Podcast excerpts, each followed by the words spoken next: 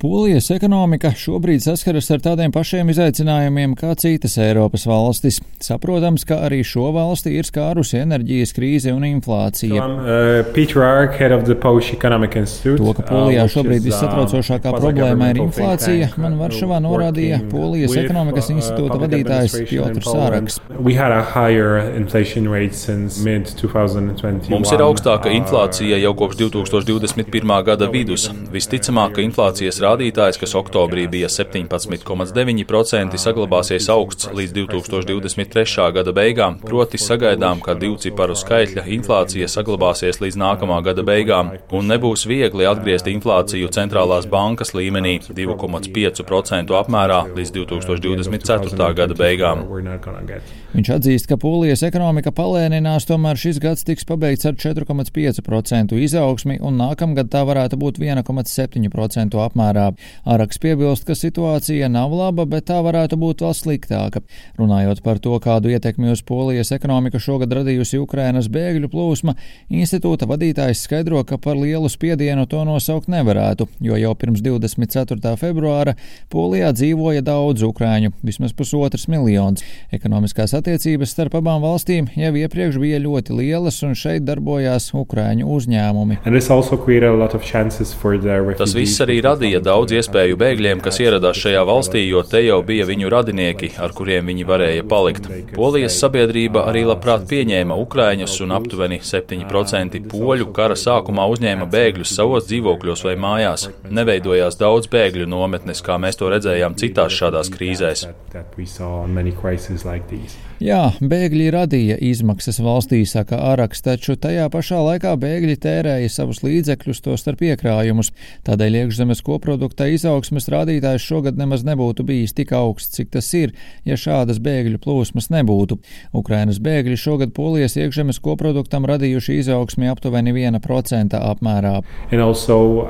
People, uh, Daudzi cilvēki, pārsvarā sievietes, kas ieradās Polijā, sāka strādāt. Šī migrācijas tīkla apmeklējuma dēļ viņiem bija ļoti viegli iegūt palīdzību darba meklēšanā. Bija īpaši dienesti, tostarp izveidoti ar Ukrainas valdības atbalstu, kas palīdzēja dažādos ar darbu saistītos jautājumos un palīdzēja atrast darbu Polijas darba tirgu. Ja ņem vērā tos bēgļus, kas valstī pieregistrēti un tos, kuriem izsniegts īpašais kods saziņai un palīdzības iegūšanai no Polijas varas iestādēm, aptuveni 60% darbspējīgā vecumā sāka strādāt, kad ieradās valstī.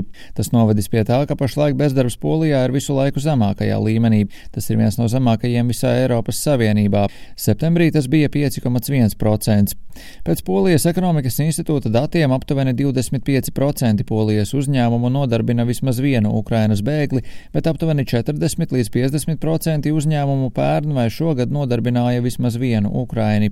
Ukraiņi strādā dažādos sektoros un lielāko daļu Ukraiņu varot atrast pakalpojumu būvniecības un ražošanas sektorā.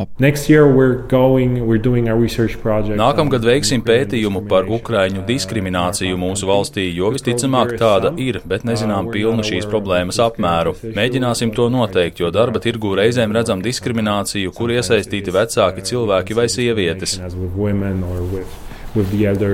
Pēc Polijas ekonomikas institūta vadītāja domām, lielākā problēma ir ukrāņu jauniešu vecumā no 15 līdz 18 gadiem iekļaušanās sabiedrībā. Tas tādēļ, ka viņi nav pietiekami veci, lai strādātu, un reizē arī viegli neiekļaujas Polijas izglītības sistēmā.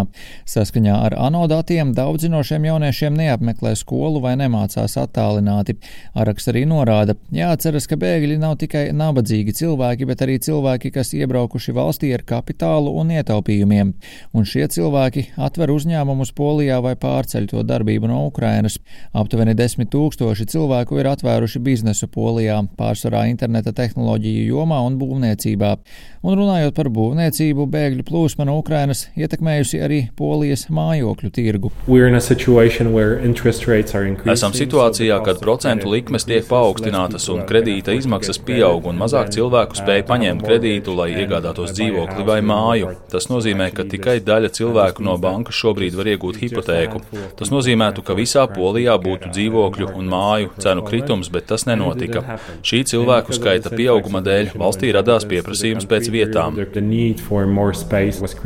Cenu kritums joprojām ir te jau nemanāms, un atsevišķas mājokļu cenas joprojām pieaug. pieaug arī īres cenas.